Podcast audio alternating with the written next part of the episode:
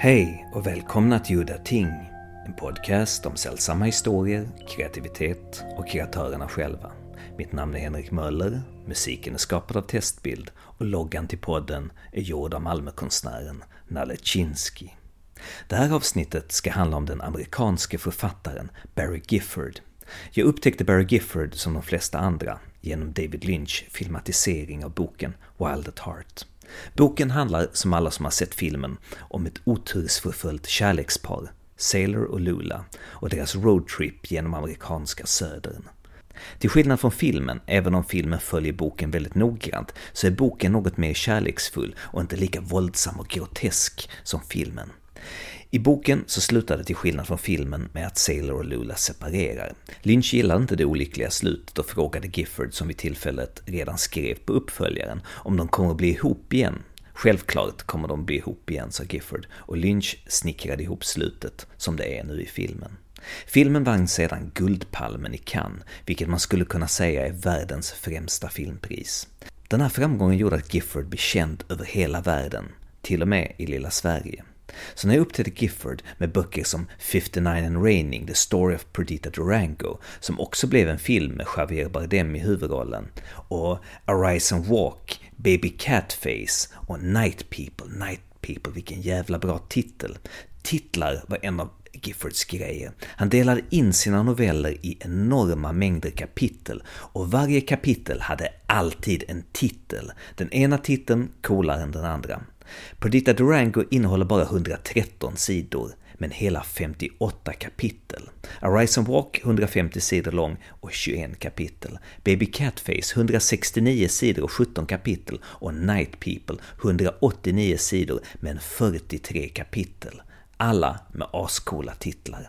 Som sagt, det var inte bara kapitlen som hade coola titlar utan hans böcker också. Titlar som Consuelos Kiss, Bad Day for the Leopard Man, The Devil Thumps a Ride, Ghosts No Horse Can Carry, Coyote Tantras och Blood of the Parade, för att inte glömma Poems from Snail Hut.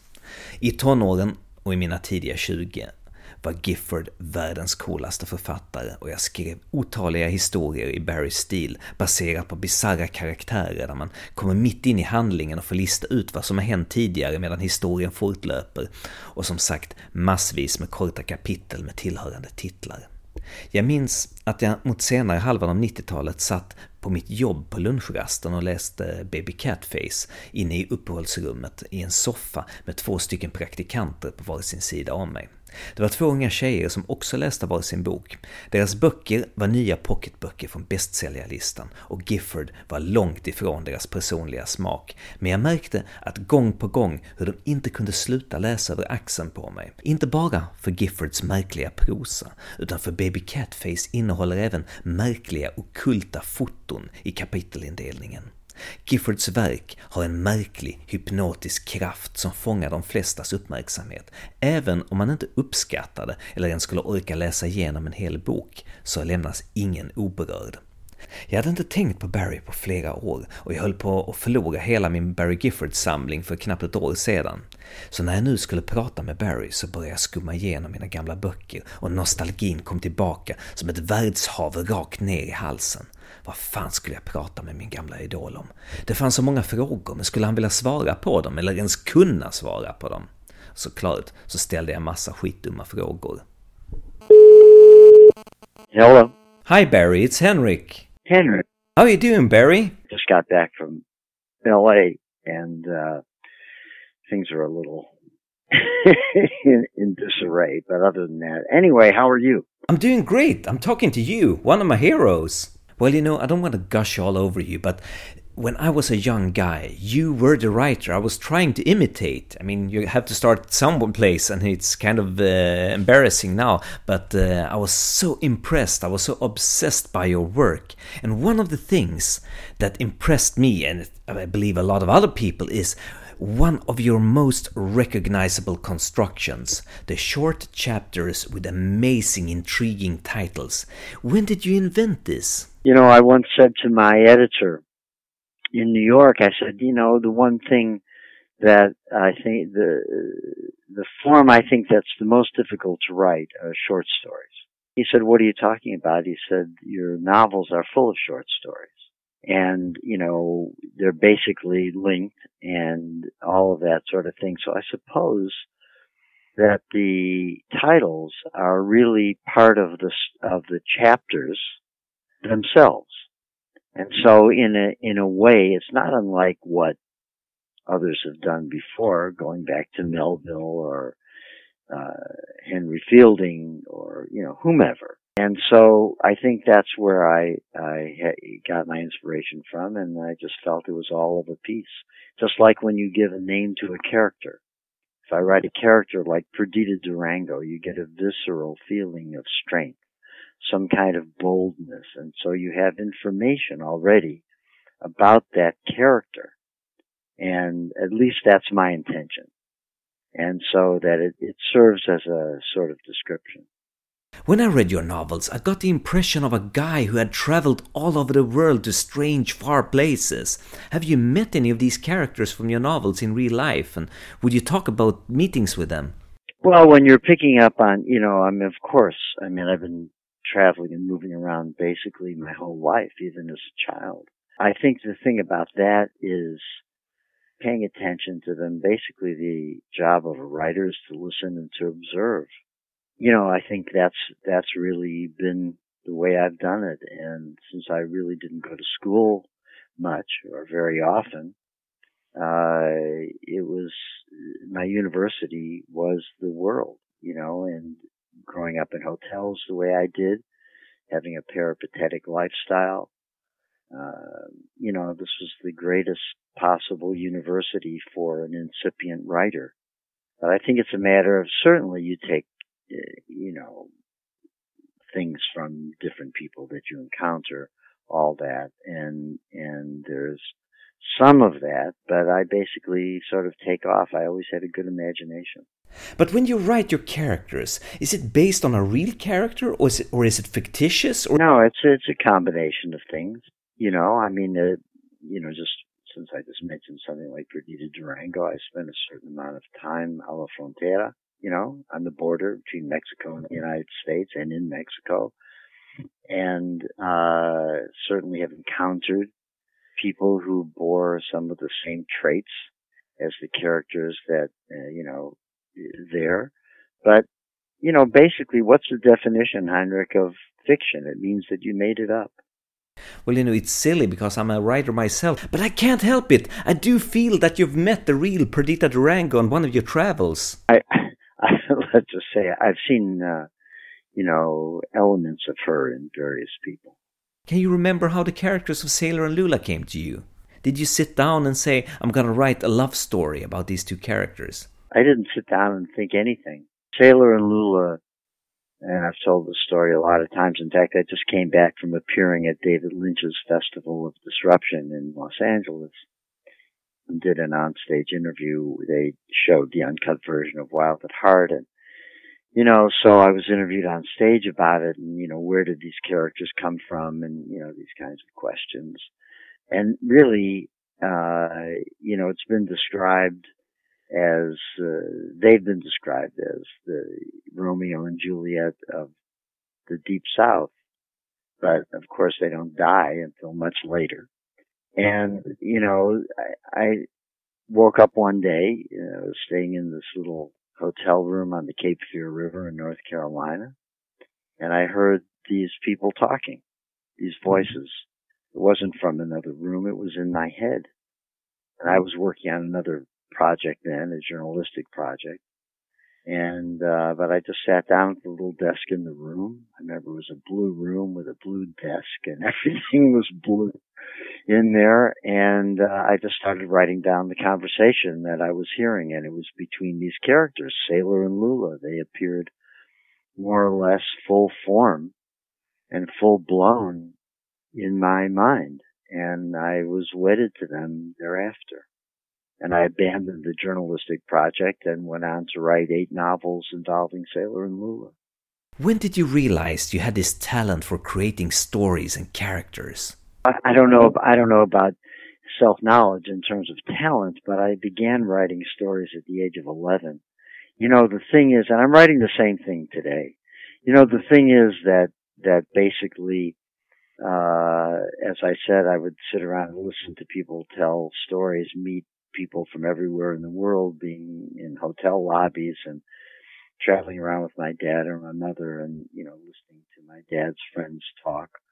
And, you know, it fascinated me. Everybody had something to say. They had their own character and I recognized that. And I would stay up late at night. I didn't have, uh, as Sailor said, I didn't have much parental guidance.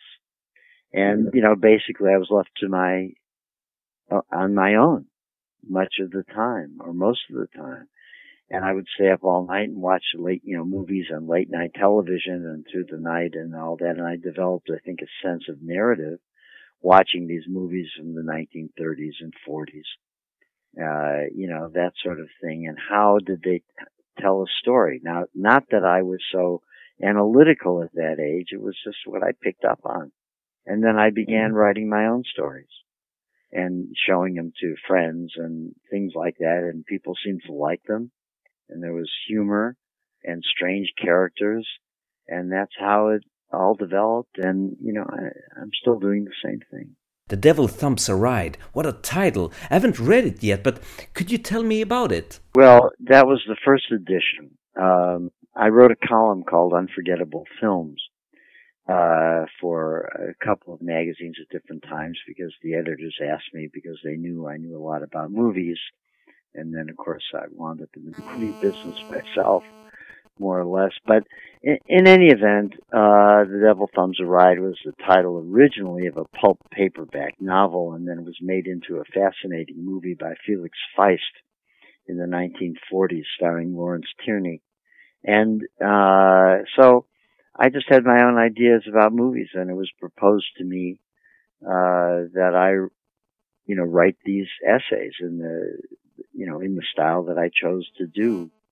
Uh, like I said, on the kitchen table at one o'clock in the morning, much like the essays that appeared in the Cahiers du Cinema.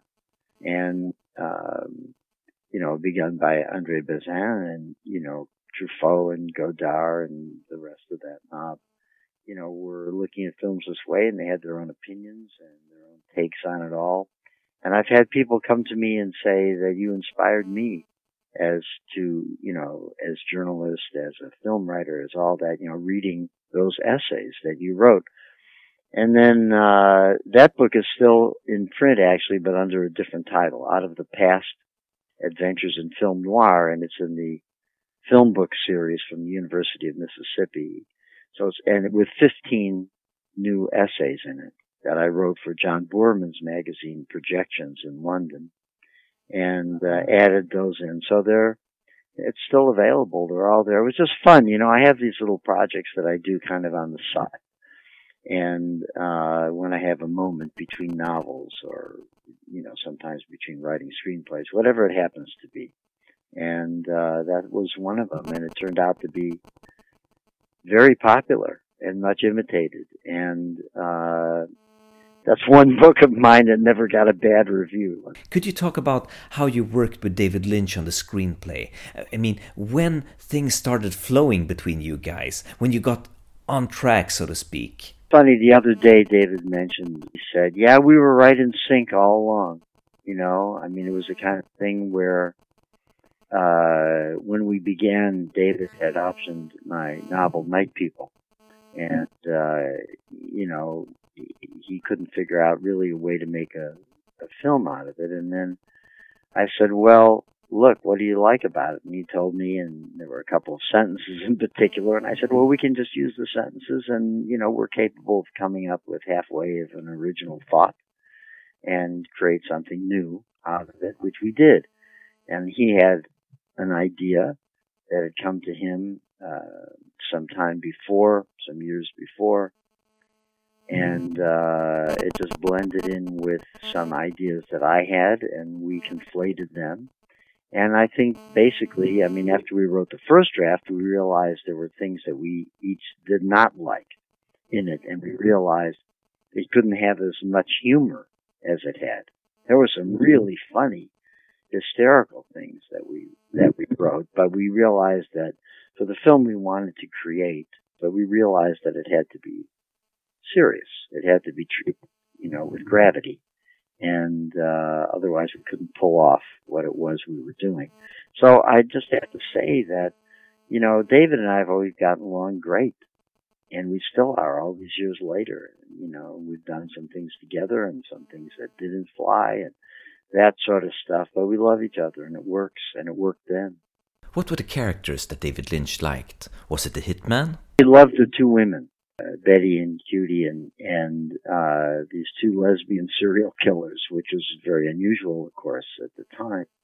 And uh, I was trying really to figure out a way to use them and to incorporate them. And actually, his daughter Jennifer, uh, who's a director, uh, wanted to play one of the women. I remember at the time she wanted to act and and and be one of them. Uh, but of course, it it turned into something else when we wrote Lost Highway. But those were the two characters I remember him focusing on most clearly, and it just like he did with Sailor and Lula as he said many times, you know, the green lights were flashing. You know, these were people who were the embodiment of America. He saw the, them as symbolic, even though they were these two young kids from the South. And, uh, people, so many people misunderstood or misinterpreted who they were, what their intentions were, and all that. They'd say, you know, two crazy, sick serial killers roaming the deep south. There's nothing of the kind in there. They're pure products of America, which I always like to go back to, often like to go back to. William Carlos Williams in his poem To Elsie wrote in the first line, you know, the pure products of America go crazy. And so I wanted to, I suppose, uh, have these two characters. They don't go crazy. They find solace in one another. You know, it's a, it's a genuine, true love story. That's what it is. How did the process look when you worked with David? I mean, you know, we just sit across from one another and, you know, I write down some things and sometimes he writes down some things and then that's how it goes. And then finally, you know, we call in a typist basically to, to, you know, to write it all down. Yeah, Billy Wilder used to say that. There's always one guy, you know, who sits at the typewriter and the other guy walks around the room. Well, we were both guys who basically walked around the room so we had to have a third party in there to transcribe things, but that's not so uncommon.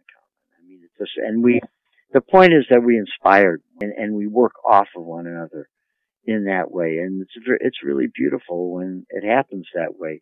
Perdita Durango was totally different. I was asked to write the screenplay, which I did. I wrote the first draft.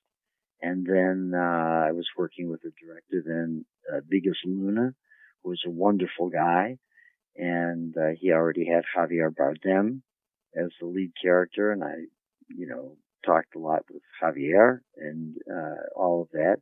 So the thing was that was what it was, and then Bigas got fired from the project or quit, and another director eventually was brought in, Alex de la Iglesia. And in the meantime, uh, the producer had had other people. I think only one other person work on the script, David Trueba, Fernando Trueba's brother, whom I met once in Mexico City. Very nice guy.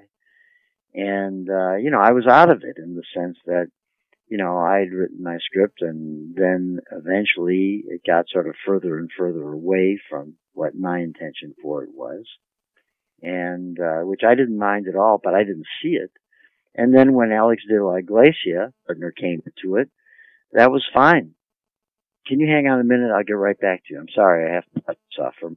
Barry försvann iväg för att fixa någonting och jag kom på att jag borde nämna ett par grejer som jag missade i inledningen.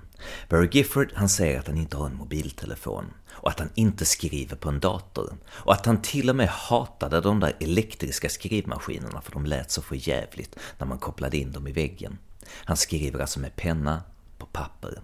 Han skriver inte när han inte känner för det, när han inte känner sig inspirerad att skriva. Allt det här låter ju som en ren bluff, men han säger att han menar allvar och att han jag tror det var William Faulkner som sa att han bara skriver när han känner sig inspirerad, men att han är inspirerad varje dag.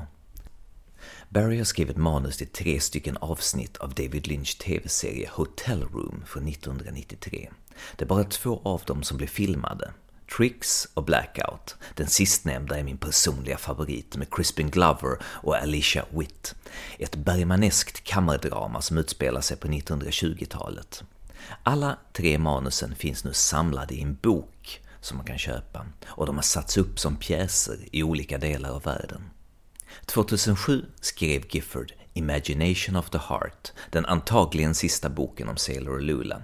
Den handlar om en 80 år gammal Lula som ser tillbaka på sitt liv. Och år 2015 släpper Gifford The Up Down som handlar om Sailor och Lulas 25-åriga son, Pace Roscoe Ripley. Och det här är antagligen den slutgiltiga epilogen till Sailor och Lula-historierna. Värt att nämna är också med tanke på att Barrys verk är inspirerad av gamla film noir-filmer och Beat Generation så skrev Barry år 1978 Jacks Book, An Oral Biography of Jack Kerouac. Alltså Kerouacs historia berättad genom hans familj och närstående. Men nu tillbaka till Barry Gifford och filmatiseringen av Perdita Durango. So the the thing was that then Alex uh, really went back to my script basically and uh, brought it back again closer to the book, which isn't always the best idea. I like, to, you know, there's a big difference between writing a novel and writing a film, and they require different vocabularies and, you know, you're uh, the obvious. You're showing, you're not telling. And, you know, then the movie got made and I don't know who all's name is on there. I know my name is first, but I don't know that it's there's six, but there's Alex and his partner and Trueba and myself. That often happens. You have different people, different stages. And what happened here was, as I say, the director was changed midstream in the process, in the development process. And so that's why that happened. When you write, do you map out the story in advance or do you start from scratch, writing from the first to the last page? I start in the beginning, and occasionally there are things that I might make a note on that's that will come in later. But basically, I don't know how things are going to end. I don't really know where the story is going to go. I don't like to plot it out. I like to be surprised myself. And that's the beauty of the mystery of it, how it all happens, you know? And that's about as far as I want to go about talking about composition. With screenplays, it's a whole different thing. You're building a house in a different way. And you might already have three acts in mind. It's like Francis Coppola told me you always have to have when I was working with him. You know, you have to have those three acts. I mean, that, that's what it is. Well, I don't think that there's necessarily any rules. If you look at, you know, directors with real vision like Terrence Malick and certain others, I mean, you can have interior monologue. You can have all sorts of things if it's a, if it works, if it's a great movie. In Baby Cat Face, there are those intriguing occult photographs in between the chapters and cool layout.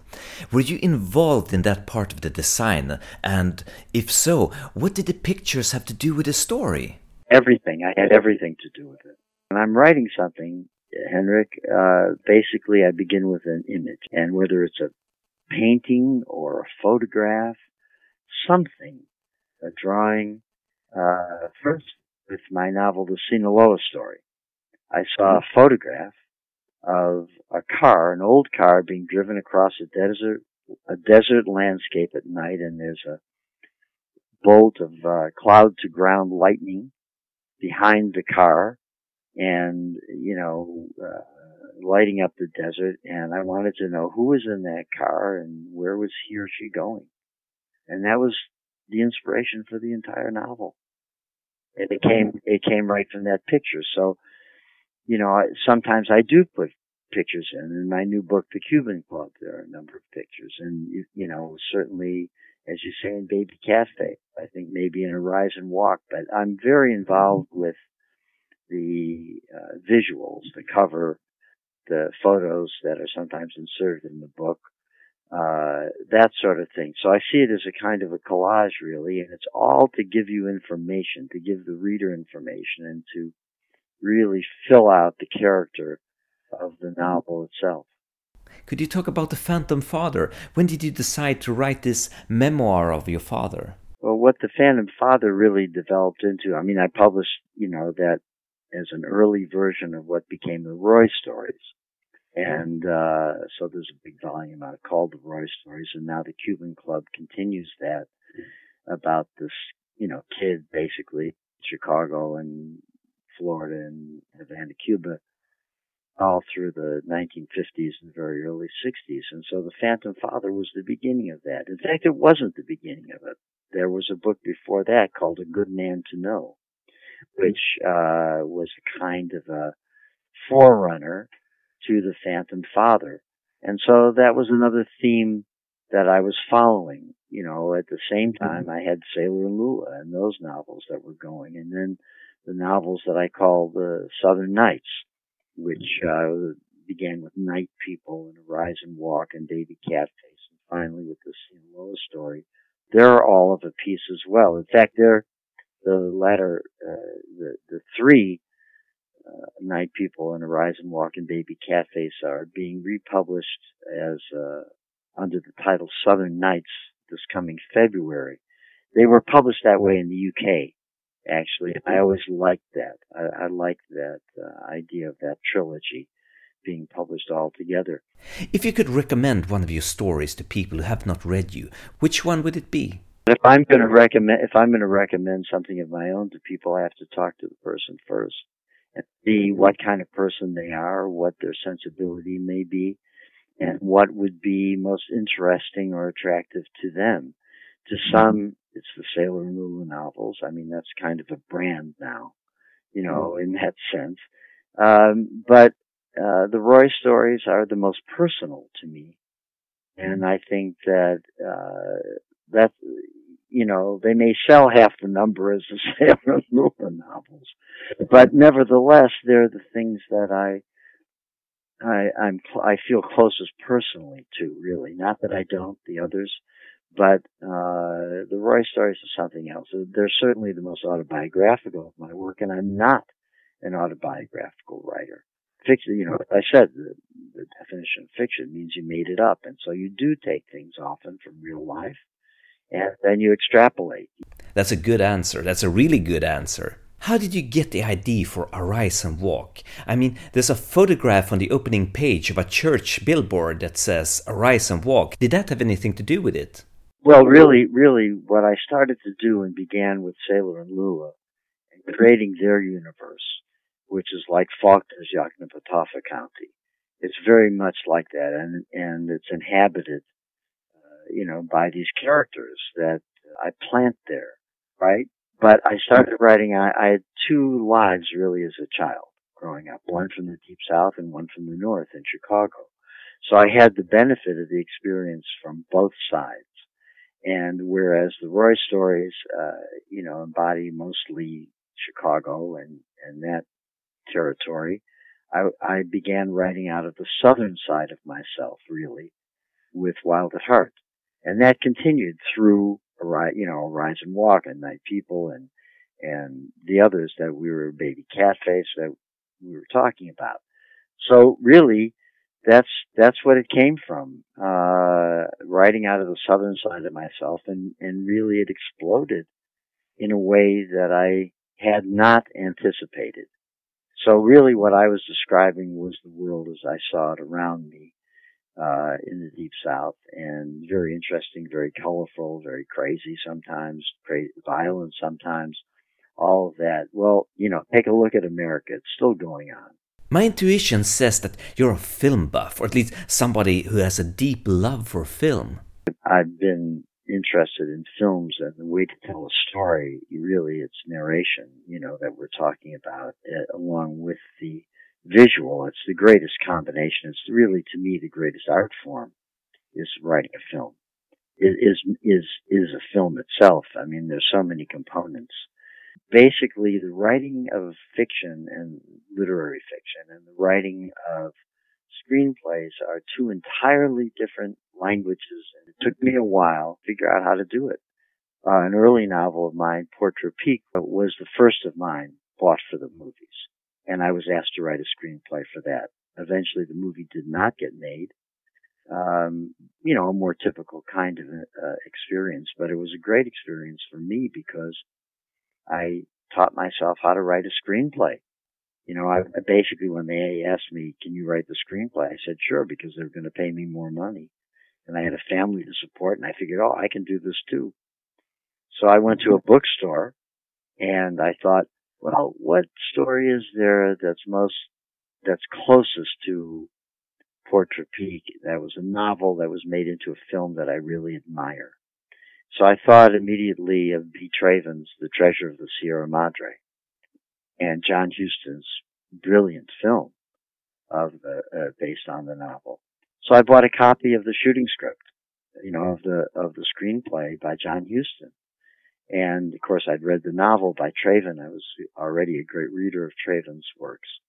And so I modeled my screenplay for Port Tropique after Huston's screenplay. And that's how I taught myself the language of film. Yeah, Traven, he was someone like Joseph Conrad that writers, other writers in, in particular, gravitated to. He was such a mysterious character. Well, it's not so mysterious, really. I mean, it, it is nice to correspond with his widow, uh, Rosa Elena Lujan, who sent me actually a, a, a, copy of one of Traven's later novels, Trozas, of the logs. And because it was only in German, it wasn't published in English in those days. And, uh, I met later his, one of his daughters, one of his stepdaughters, and had lunch at her house in Mexico City with her husband.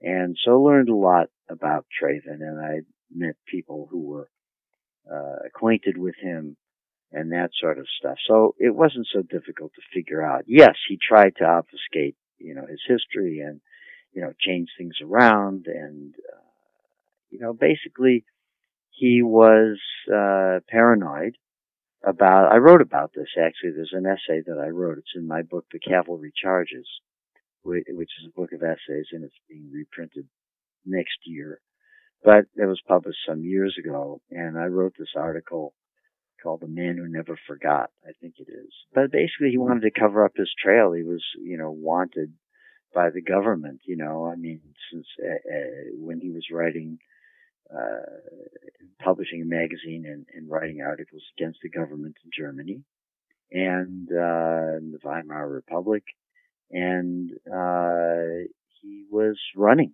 from it You know, he was in prison briefly in Brixton in London when he went there, and then eventually got on a ship and went to uh, Mexico. And, you know, that's where he began writing those novels and trying to cover up his history and going by different names and all of that. It's not unlike Rimbaud, the poet Arthur Rimbaud, who had at one point joined the Dutch Navy and then deserted and he was kind of running the rest of his not so long life, you know, and wound up in Africa, in Harar, you know, and sort of hiding out in a way and just trying to, uh, always looking over one shoulder, thinking that the authorities of some kind, you know, were after him. And so it's not so dissimilar. And I think that Traven, you know, did that. And, you know, then he wrote his screenplays under the name Hal Croves and represented himself to John Huston during the filming of Treasure of the Sierra Madre as Hal Croves and that. And yes, he was a fascinating, interesting character. And, uh, that's an entirely new subject. You've met so many interesting people in your life that inspired you. Could you talk about a few of them? well, they, they probably wouldn't be people who, whose name would mean anything to you uh, yes, I've met a lot of interesting people in my life, a lot of talented people, a lot of terrible people, a lot of all kinds of people. And that's the point, isn't it? I mean, I always felt that the, from the earliest stages when I began reading and, and, and writing and following the examples of the people whose work I admired, whether it was Melville or Conrad uh, you know, whomever, it just got me out there in the world and you encounter all sorts of people and that's the way it works. So that's what I did. I went out and worked in the world. I was worked as a merchant seaman. I worked as a truck driver. I worked in all sorts of capacities, you know, because I didn't go to school and I was already writing. Why would I want to go to school for them to teach me how to write? I was already writing. And, you know, that's, that's really it. I can't answer that question so specifically because, as I say, the names probably wouldn't mean anything to you in my professional life. I've met a lot of wonderful people, a lot of really talented people. And, you know, basically, if you set out as a freelancer, which is what I've been my whole life as a novelist, as a poet, as a musician, as whatever it is. And then, you know, in the film business especially, I mean, you're faced with rejection all the time. You know, you mm-hmm. continually get rejected, whether it's David Lynch or John mm-hmm. Huston or myself. I mean, the thing is that you just go on. You have to have confidence in yourself. You have to believe in yourself. And there are people along the way who are big hearted and generous and, and help you in the sense of encouraging you and like what you do. And, you know, that's, you have to be thankful for them because the world isn't really, you know, we live in this world of commerce basically, Henry. I mean, especially in America. Even Hitler said that. Hitler said, how can anybody take America seriously? All they care about commerce. They don't give a shit about music or art or that sort of thing. And he was right. And, and so, you know, I work out of a minority, uh, here, you know, from, from a minority position in the United States. Uh, I'm not talking about racially. I'm talking about in terms of what I do. And so we're constantly faced with rejection. And, you know, you just keep going, man. You know, and you have something to say, you have a story to tell or stories to tell. And I've been fortunate enough to have some success in this regard. And, and people such as yourself who are open-minded and generous and, uh, have a good heart and uh, mind and, uh, you understand what I'm trying to do. And that's, that's really important. I mean, without you, you know, I as a writer don't exist. You're never a prophet in your own hometown, usually, that is. So, where are your books most read outside of America? I think I had my first really great success in France. And ba- basically, in the, I mean, my books were published here, and that was all fine. It was really the romantic language countries who took to me so quickly, and some in Scandinavia you know, I had a wonderful publisher in Norway who published Sailor, the Sailor Lula novels all in one volume initially. Uh, and that was really terrific. And I got a lot of, uh, interest from Scandinavia, from Sweden, from Denmark, from Norway and all. But it was really, uh, those Western European countries that I mentioned where the first great success came, and then came in Japan and you know other places.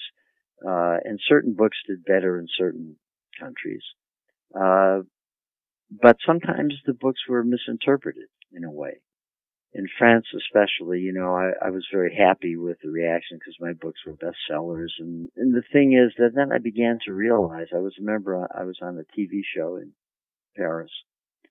And it suddenly came over me this was fairly early on, but I mean, that really what the people liked or appreciated or were stuck on was the fact that I was criticizing American life, that I was criticizing the people, the government, the this and that, and that sort of added fuel to their own particular fire or opinions. And I had to explain, no, that wasn't what I was doing.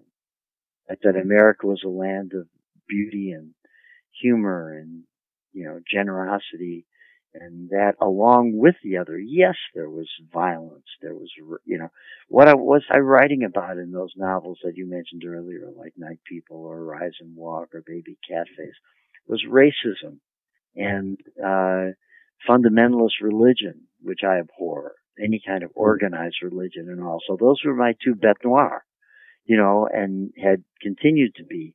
Uh, and I think that's really why I stopped after about 10 years of that for the most part and was writing the Roy stories, a, a totally different theme, uh, that I wanted to concentrate on, but yet the same problems come up. You know, mm-hmm. but I just wanted to explain that it was my job, I suppose, in a way.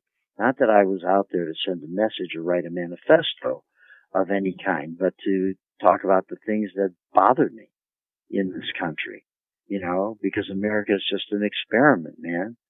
200 years old, you know, and it's doomed to failure. And when I would say that in conversation with people, you know, because you have a country which admitted everybody and, you know, all that, you, of course you're going to have conflict. of course, you know, I mean, you're going to have people that react against the powers that be.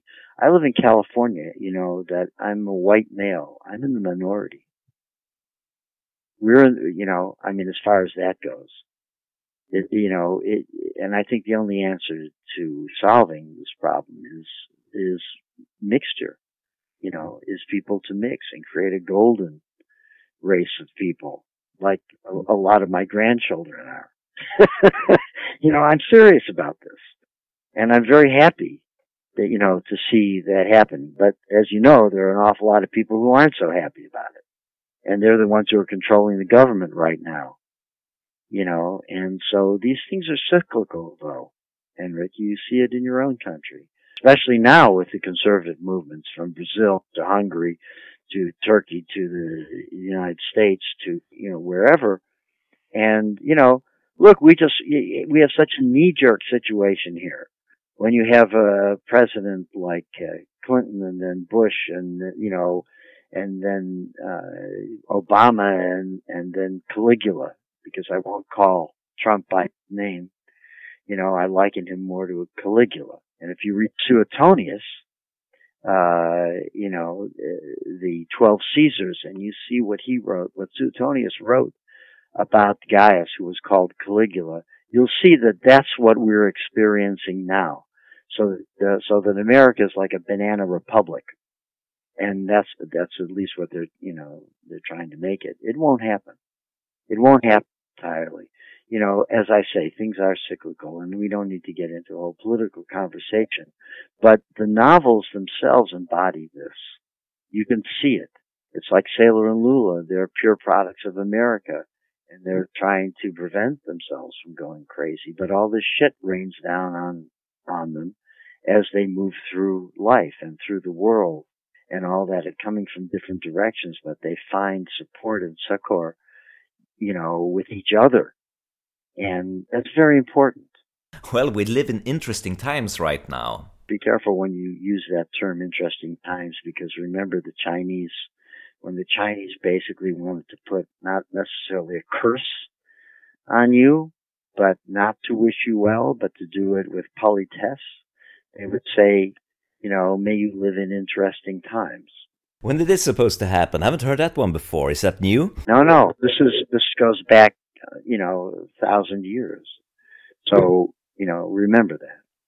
Anyway, Henrik, thanks for your questions and and uh, thank you very much. Bye. Ja, det var allt för den här gången. Mitt namn är Henrik Möller. Musiken är skapad av Testbild. Hej då!